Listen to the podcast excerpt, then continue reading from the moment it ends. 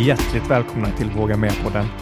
Podden för dig som älskar att aktivera det inre modet och utvecklas både fysiskt och mentalt. Med mig, Mikael Wigerud. Och med mig, Benjamin von Schmuck. Det är svårt att beskriva känslan att vara på ett berg. Att känna bergets storhet, känna hur liten man är, hur små ens problem är i det stora hela. Även känna maktlöshet när hans öde helt enkelt vilar i naturens händer. Händer som både kan hjälpa, men också skälpa. I veckans avsnitt så tar vi hjälp av Mikael att beskriva denna känsla, då vi får följa med Mikael på resan till Basecamp på Mount Everest. En inbjudan som eh, bjuder på Nepals avlägsna byar, färgrika möten och en påtaglig intern som extern kamp mot höjdsjukan. Häng med!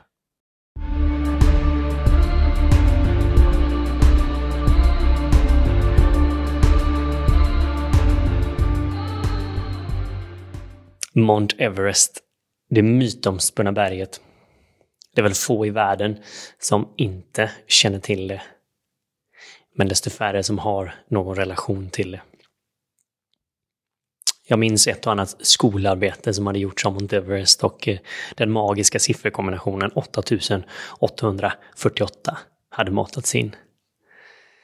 Men det var väl först när jag satt på en föreläsning hos eh, tidigare arbetsgivaren som hade samlat chefer i Sverige för att få lyssna på Anneli Pompe som var där och pratade om hennes erfarenheter. Hon började att berätta om hur länge hon behövde hålla andan för att dyka 126 meter ner i vattnet. Varpå hon sen började ställa frågan om vem som skulle tycka att det var spännande att stå på toppen av världen och titta ut från de 8848 metrarna över havet. Hennes tystnad efteråt bjuder in till att man liksom ska räcka upp handen om man vibrerar med det hon säger. Helt självklart sträcker jag upp handen. Jag sitter längst fram i föreläsningssalen och tänker att nu räcker väl de flesta här inne upp handen.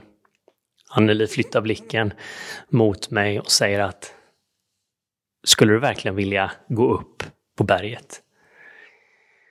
Självklart, säger jag, verkar ju oerhört spännande att stå på jordens högsta punkt. Hon lyfter blicken och tittar ut över salen, varpå jag vrider mig om, tittar bak och ser att jag är den enda i rummet som har räckt upp handen. Där tog Mount Everest fäste. Och jag minns Annelies varning till oss allihopa. Att det är någonting med Mount Everest. Att när du väl har varit där så blir du aldrig riktigt av med det. Vi befinner oss i Kathmandu, Nepals huvudstad. Dammiga, trånga gator fylls av myller från pulsen i den här tätbebodda, intensiva staden. Många av turisterna är här för att på ett eller annat sätt ta del av den majestätiska Himalaya-kedjan. Sedan Anneli pratade där på SKF så har det funnits en vild dröm inom mig att kanske ta mig upp på Everest. Jag vet att vid några tillfällen så har jag försökt aktivera den. Jag kommer ihåg första gången då min vän Martin Andersson sa nu går vi till Naturkompaniet i Göteborg och skaffar utrustning för Everest. Jag minns hur vi stod där nere i butiken. kommer fram en expeditör och eh, ska hjälpa till varpå jag säger ja men eh, eh, ska ska gå till Everest eh, Base Camp och eh, behöver utrustning för det. Han tittar glatt på mig och, och, och frågar om har du vandrat mycket innan? Nej, jag har inte vandrat så mycket innan. Nej, då blir det nog väldigt svårt. Ja, okej, okay, säger jag, men om jag ändå skulle vilja då så, vad behöver jag? Ja, ja, alltså det är väldigt svårt. Och du behöver väldigt mycket grejer. Har du några grejer hemma? Nej, det är därför jag är här, för att jag behöver grejer. Ja, nej, men det blir väldigt, väldigt svårt, skrattar han lite nonchalant. Tittar på mig och Martin som direkt kommer från jobben och, och står där i tajta chinos och slätstrukna skjortor. Och man ser i hans ögon att, är de där killarna, de kommer aldrig att komma till Mount Everest. Stukade går vi upp från trapporna från butiken och står där vid lejonen i kanalen i Göteborg och drömmen om Everest känns långt bort. Kanske hade jag tagit mig vatten över huvudet. Kanske gick det inte att drömma om att komma upp på berget. Men plötsligt nyinflugen till Katmandu. Myllret, vibrerandet av staden, de trånga gatorna, lerigt. Fordon trängs med hästkärror, trängs med kärror som puts och ris som kokas och prayer flags eller de här böneflaggorna som pryder det annars ganska bruna, smutsiga med fantastiska färger och luttrar om de här majestätiska bergen som jag vet bara döljer sig strax utanför stadens myller. Jag har hittat ett hostel som ska ta mig till och checka in. Precis när jag kommer in i hotellreceptionen så står det en engelsk kille där. Tjena, säger han. Välkommen. Tjena, tjena. Har du precis kommit? Jajamän, jag är precis anländ från Indonesien och ska hit. Ja, vad, vad, ska du hit och vandra? Ja, jag har tänkt att vandra, men först så ska jag checka in här på mitt rum. Ja, men vad bra. Eh, då kan du hänga med mig ut. Eh, jag ska ut och eh, ta en kaffe nu och förbereda för när vi ska upp på Mount Everest i övermorgon. Ja, ja okej. Okay. Självklart. Jag går och lägger av min väska och hänger med Leon mot en kaffe. Leon tittar på mig och säger att ja, men vi har bokat en guide, jag och min kompis Colin, och vi ska upp på berget i övermorgon. Ska du med? Plötsligt, den avdammade drömmen. Mer verklig än någonsin. Det naturliga är att säga nej, men nu med kommer, självklart, ska jag med.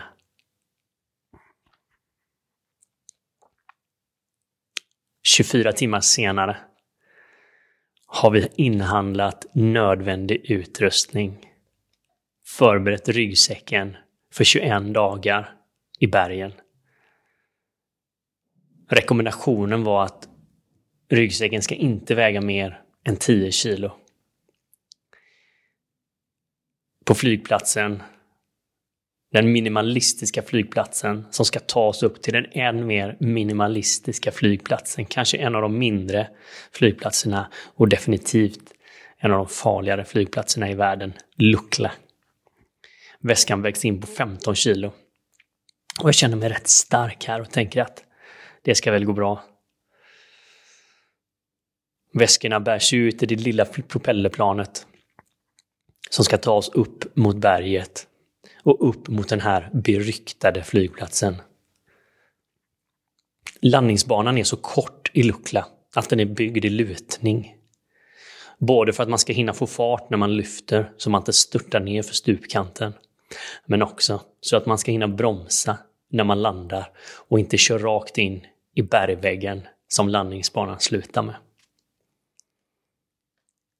På 2846 meter skymtar jag nu den lilla landningsbanan. Jag ser hur piloten börjar att sätta ner planet. Och någonting skiljer här mot en normal landningsbana. Ofta så brukar man glida in ganska långt på landningsbanan innan man sätter ner hjulen. Här märker jag hur piloten verkligen tar sikte att komma ner med hjulen så tidigt som möjligt på landningsbanan. Och nästan så att jag skymtar kanten av bergsstupet. Boom! När hjulen sätts i. En kraftig inbromsning. Och vi stannar med nosen ett par meter innan bergväggen. En liten bergsby, Lukla och insteget till den här beryktade vandringen EBC Everest Base Camp. Vi ska ta oss upp för berget till glaciären där klättrare förbereder sig, bor och preppar för summit, toppbestigning av Everest. Det sprudlar av förväntningar och energi när man slänger på sig ryggsäcken och börjar gå. Vi ska ta oss från Lukla till nästa by där vi ska övernatta. Bo i små fina tehus längs med vägen. Men ganska snabbt på resan på den här gången, det är ganska fräckt vad man ser här uppe. Att nästan på alla ställen jag har varit innan så går det alltid att komma dit med fordon. Här är det små vandringsleder som leder mellan byarna. Där inga motorfordon syns till. Det är som ett annat århundrade. Allting som kommer upp här transporteras av människor, av jakar och av åsnor. Det är fascinerande att se vad som ändå går att åstadkomma. Små byar, stora hus, civilisationer. Utan en enda maskin.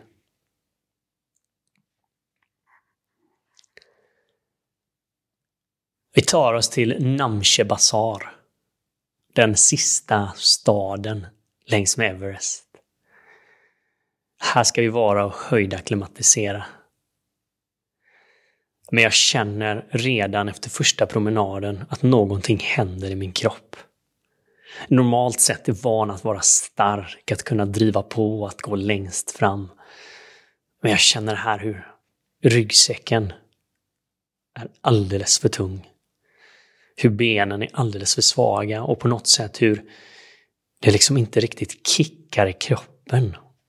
Vad är det som händer, Mikael?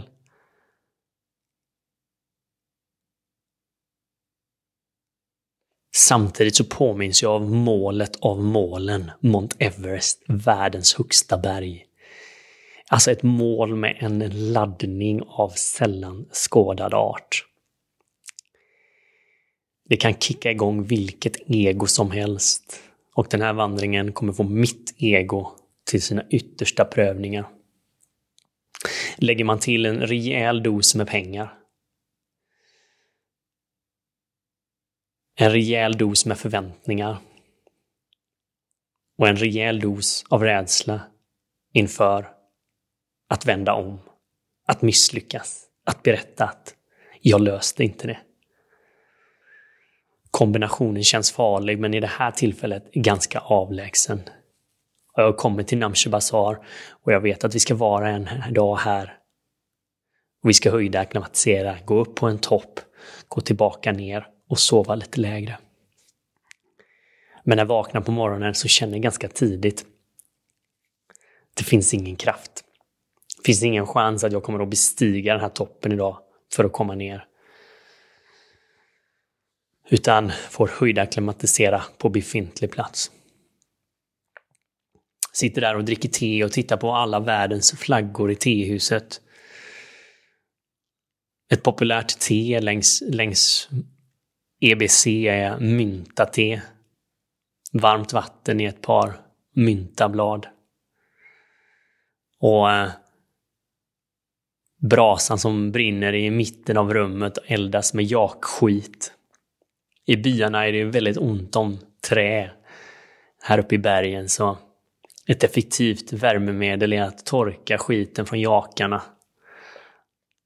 Som blir hög densitet. Att sedan elda och värma, koka vatten och allt som man behöver för att hålla sig i form inför nästa etapp. När jag sitter här så stövlar plötsligt en svensk kille in i rummet. Pontus från Piteå. Han är 24 år och ser ruggigt stark ut. Men någonting i hans blick ser allt annat än starkt ut. Han sätter sig bredvid mig och säger att han är på väg ner. Nej, Mikael, jag vill bara härifrån, säger han. Jag var högre upp och fick eh, severe altitude sickness, allvarlig höjdsjuka. Nu vill jag bara hem. Jag trodde att mitt liv var över och jag är färdig för den här gången. Jag tittar på honom och jag tänker, men herregud, ung, stark kille i sina bästa dagar. Hur är det möjligt? Hur fungerar egentligen det här med höjdsjuka? Och hur kan det vara så random? Vi har ju sett gamla människor eller äldre människor som har löst det här. Det verkar vara lite random hur det drabbar och vem det drabbar. Han säger du ska få några tips. Ät mycket mer än vad du tror. Drick mycket mer än vad du tror. Och gör väskan mycket lättare än vad du tänker dig. Det är en kraft i hans ord. Jag känner att det är dags att göra skiften. Ta mig in till mitt rum. Öppna ryggsäcken. Bara de här två första dagarna har den varit nästan till plågande tung att vandra med. Jag lägger ut alla saker och tänker att allting som är bra att ha måste lämna ryggsäcken. Vad är egentligen nödvändigt när det kommer till prylar? Jag tittar på en selfiestick. Jag känns rätt viktig. Jag får stanna kvar. Titta på den stora tejprullen som jag hade med skavsårstejp. Titta på kläderna. Titta på teknikprylarna. iPhone, kamera, laddpaket. Den stora Fenix-klockan. Börjar hårt gallra. Ner mot någon form av existens. Vad behöver jag för att hålla mig varm? Vad behöver jag för att kunna äta? Och vad behöver jag för att kunna dokumentera de mest nödvändiga sakerna? Titta på dagboken. Den som har betytt så mycket längs den här resan och känns fundamental på Everest. Den är på tok för tjock. Väger säkert 300 gram. Inte en chans att du kommer med. Men jag vill ju skriva, jag vill ha en penna, jag vill kunna dokumentera vad som händer längs den här resan.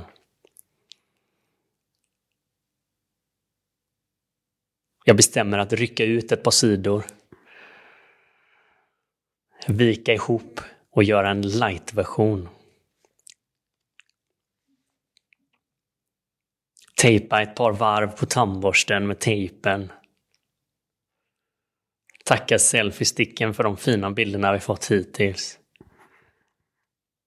Batteripaketet. Och har plötsligt nästan en lika stor sidoväska som huvudväska med prylar som ska få stanna kvar i Namche Bazaar. För hit ska vi återkomma på vägen tillbaka.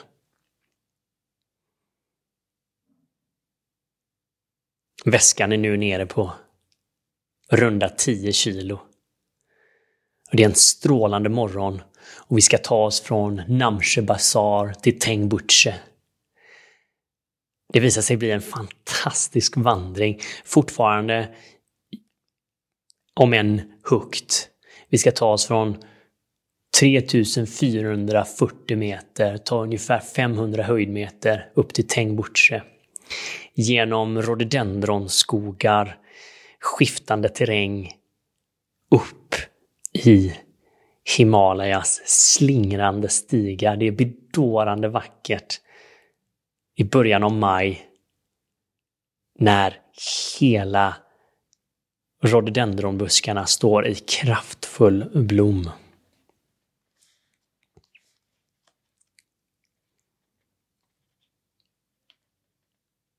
Det är bedårande panoramautsikt. Det når ingen hejd. Jag närmar mig den högsta positionen jag någonsin har varit på över havet. Men blicken sträcker den ena efter den andra toppen på över 8000 meter runt omkring oss. Vi börjar se de snötäckta bergen den bedårande blå himlen och som att det inte finns något slut på hur många vackra toppar det finns. Droppar in i en närvaro som jag kämpat så många år efter att komma till. Att kunna vara i det ögonblicket som händer här och nu. Och då börjar det krypa på igen. Någonting händer i kroppen. Kraften börjar att sina. Herregud, håller ni någonting på att hända mig? Som också hände Pontus från Piteå. Den lättare väskan börjar att kännas tung. Solen steker i ansiktet trots keps och SPF 30 så tar läpparna stryk. Det är intressant att gå i en grupp när man inte riktigt kan bestämma tempot eller åtminstone vill hänga med gänget. Det är intressant att vara i ett sånt här gemensamt mål som vi alla vill åstadkomma. Men ändå som kommer att visa sig vara extremt olika utmaningar för var och en av personerna i gruppen. Våran guide, Kevin, förklarar de olika topparna, visar och checkar in för att se hur var och en var oss mår. Ger oss lite choklad för att få upp energinivåerna. Leon är stark. Han springer där framme. Han passar på att pika när han får chansen om hur långsamma resten av gänget är och hur mycket som händer där framme. Colin, han utmanar sig själv mer. Han ser inte speciellt stark ut.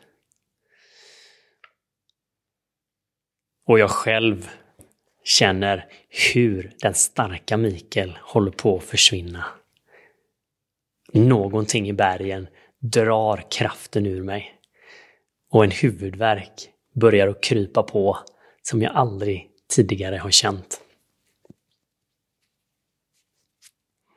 Vi övernattar i ett eh, kloster med munkar.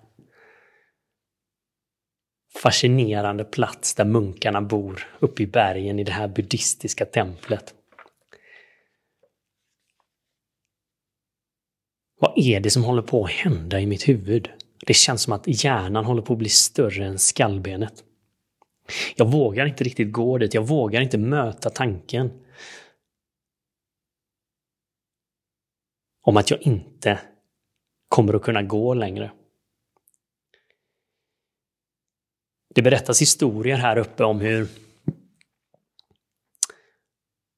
starka egon, oftast män, kommer hit tuffa i början, springer upp för berget.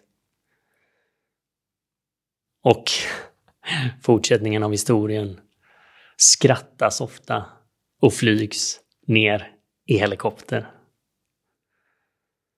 Inte kan väl jag, inte kan väl jag vara en av dem. Tänker jag tyst för mig själv. Vi övernattar högre upp. I natt ska vi sova på 4800 meter i Dingbuche.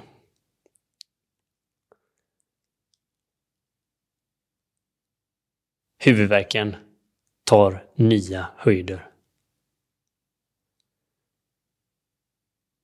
Mängden syre här uppe är bara hälften så mycket som vid havsnivån.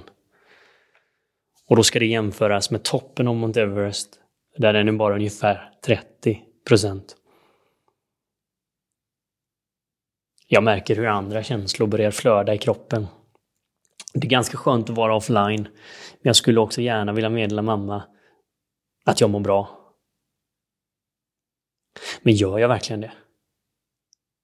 Och så kommer den där känslan krypan igen kring målbilden. Den där målbilden om att vi ska kunna ta oss till Everest Base Camp.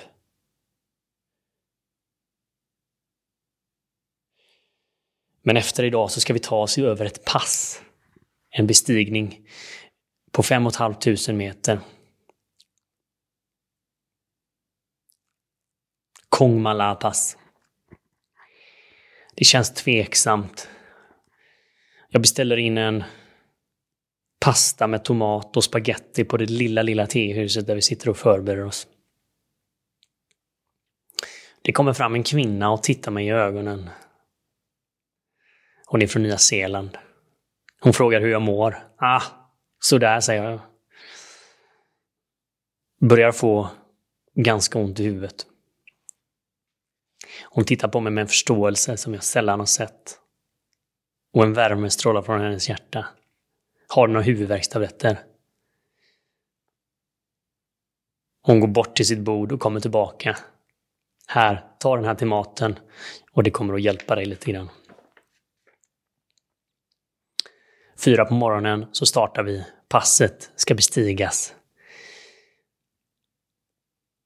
En lång vandring idag på nästan nio timmar. Vi glider iväg.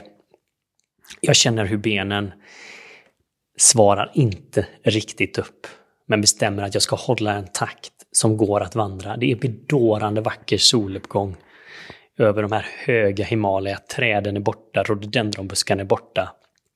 Och landskapet är mer stenigt och bergigt. De vita snötopparna sträcker sig i oändligheten i panoramautsikten. Jag tycker att jag har fått in ett ganska hyfsat tempo. I alla fall en stadig takt. Ett steg, ett steg, ett steg. Väskan är på ryggen. Tung. Men jag rör mig framåt. Plötsligt blir jag omsprungen av ett par. Jag tittar upp och ser att pensionärerna måste minst vara i 75-årsåldern. Herregud, Mikael. Det här går inte fort. Men plötsligt ser jag kanten, fem och ett halvt tusen meter höga. Resten av gänget står där. Med stapplande steg. Det är riktigt brant på sidorna. Jag tänker kort för mig själv att skulle jag ta ett snedsteg här, vad händer då? Jag inser att det är väl ingen stödjande tanke att gå och oroa sig för vad som händer. Utan rikta din energi positivt. Rikta balansen in mot att det här kommer att gå bra. Plötsligt slår jag där på toppen, tittar ut. Kevin, guiden, kommer och säger att Mikael, jag har varit här minst 50 gånger innan. Och aldrig har det varit sådant här fint väder. Jag försöker att få kraften i den meningen att tränga igenom huvudverken och kanske i någon millisekund mellan hjärtslagen som bombar i huvudet så kan jag få en glims av hur vackert, bedårande vackert detta är. Efter en liten picknick och en chokladbit på toppen så börjar vi gå ner.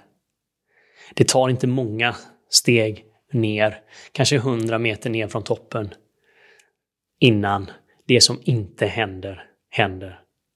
Jag börjar att kräkas. Det är helt okej okay att vara höjdsjuk. De flesta är mer eller mindre höjdsjuka uppe på Everest. Men allvarlig höjdsjuka är direkt livshotande. Det finns vissa signaler. En av dem är just att kräkas. Jag ser på min guide att det här är inte riktigt bra. Men jag lyfter också min blick och tittar.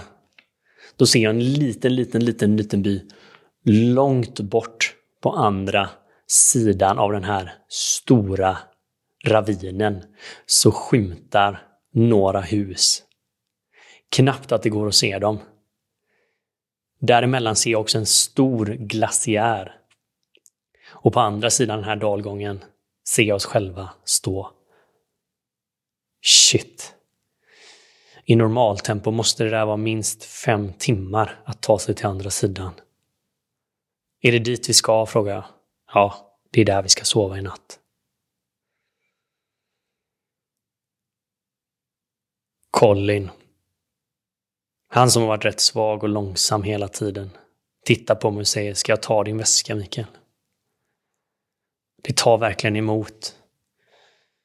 Nog tusan ska väl jag klara av att bära mina saker själv. Men jag inser, det finns inte en chans. Ur mig kommer ja, gärna Colin.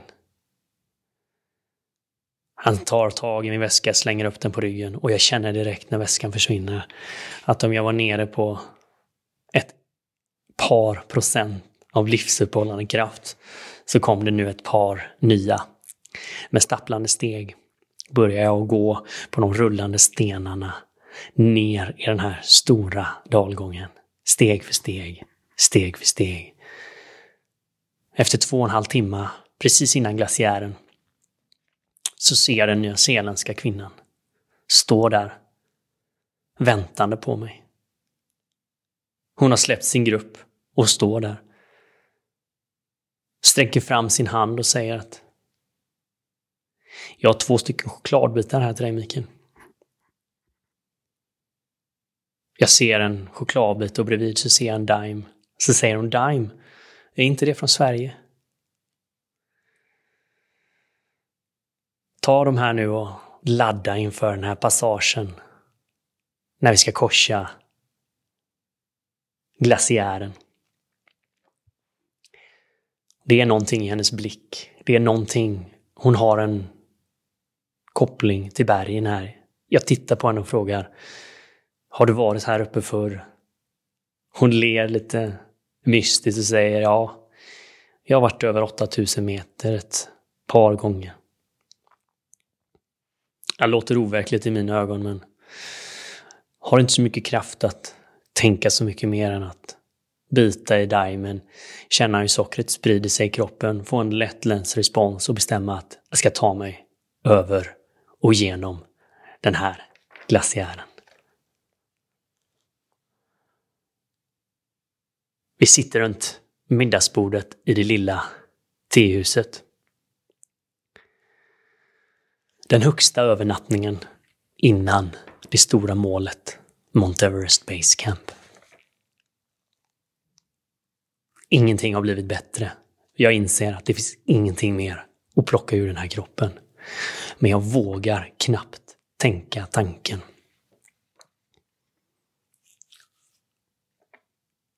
Men herregud, tänker jag för mig själv. Det är väl inte värt livet? Det är väl inte så att det ska bli helikopter tillbaka. Jag bestämmer att rösta mord. Jag bestämmer att den här gången är inte den här gången. Jag påkallar gruppens uppmärksamhet och säger Mina vänner, det är en sak jag måste berätta. Jag kommer inte att gå längre här ifrån. Jag stannar. Ni får gå vidare utan mig.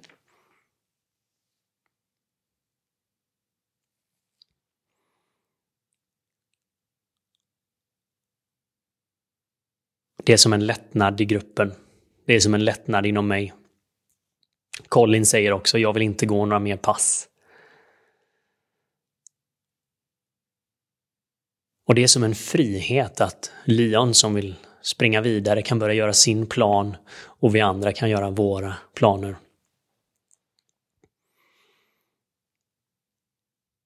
Jag släpper iväg gruppen. Jag stannar kvar. Huvudvärken är av en oanad höjd.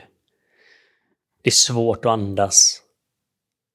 Men samtidigt efter jag hade sagt de där orden så är det som att varje hjärtslag efteråt så börjar någon ny kraft att komma tillbaka.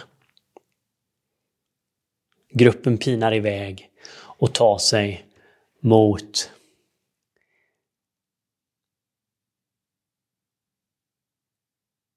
Everest Base Camp. Sista stoppet. Gorakchep. Innan man kliver in i den magiska basecampen. I en hel dag så sitter jag Som att jag förstår grekerna mer, hur man bara kan sitta och titta. Jag sitter i det här tehuset. Från frukost till lunch till middag sitter jag, tittar hur människor kommer in och ut. En kanadensisk pappa kommer med sin dotter. En indisk familj kommer insläpande på en oerhört sjuk kvinna. Det är kallt. Framförallt på nätterna är det svinkallt. Det ryker ur munnen. Alla de kläderna jag hade med mig kommer till användning. Och i slutet av dagen så börjar jag känna hur det liksom kommer lite energi igen. Plötsligt kommer han som äger tehuset fram till mig och säger Du då telefon? Känns fullständigt orimligt att någon skulle ringa till det här lilla tehuset på 5000 meters höjd och fråga efter mig. Jag lyfter luren och där är Kevin. Ja, hur känner du dig Mikael? Nej, alltså jag känner mig lite bättre.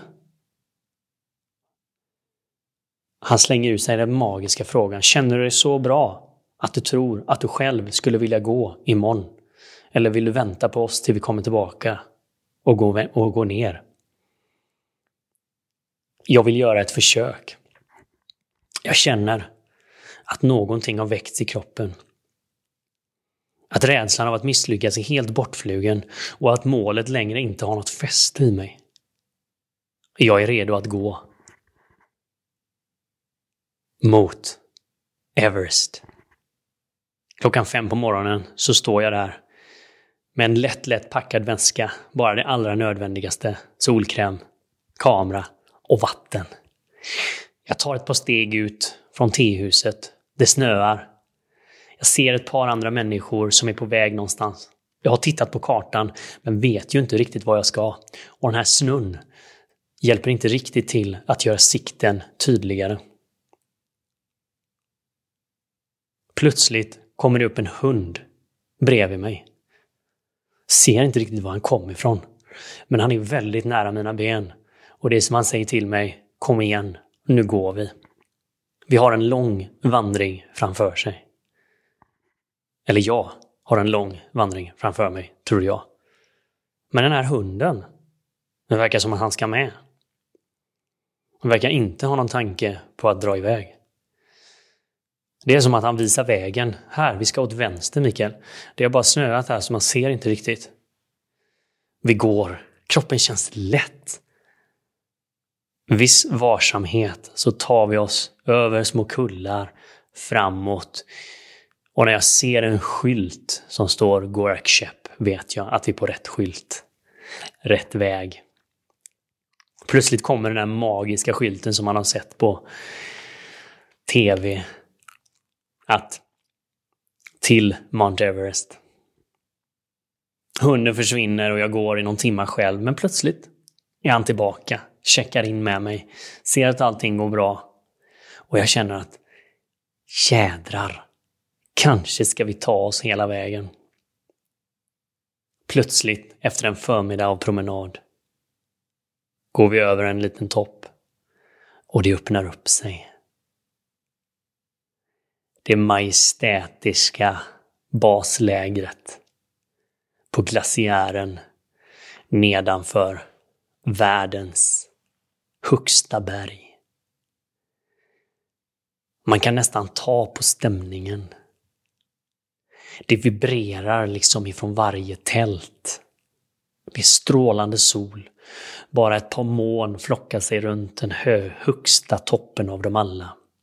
Och just i den här stunden, i början av maj, väntar klättrarna på att få göra årets första summit.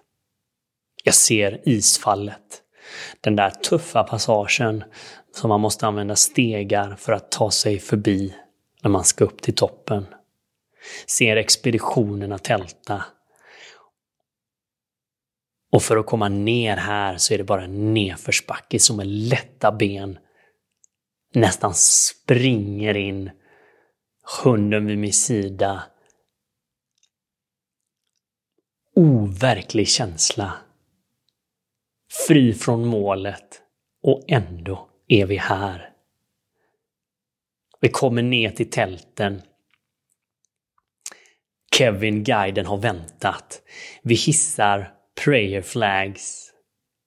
Hälsar på ett par kärpas som alldeles strax ska upp mot Mount Everest topp. Jag tittar upp mot berget. Jag ser båda delarna inom mig. Jag ser det där egot som alla dagar i veckan skulle säga att jag vill upp. Jag ser också en annan nyans och form. Som att kan vi vara nöjda här? Det är helt tillräckligt att se toppen. Att njuta. Att leva. Det är dags att vända om. Det är dags att gå ner. Jag vänder mig om och ser hur min vän, den vackra svarta hunden med vit i pannan, nickar åt mig och springer iväg. Som att hans uppdrag var utfört.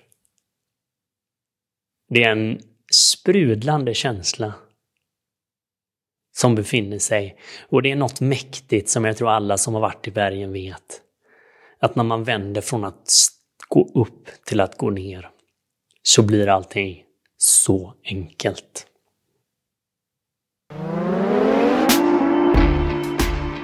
Stort tack till dig som lyssnar, som hjälper Våga Mer-podden att växa och nå ut via de sociala kanalerna. Vi har ingenting utan er lyssnare och både från mig och från Mikael så skickar vi ett stort Våga Mera så hörs vi igen i lurarna nästa avsnitt.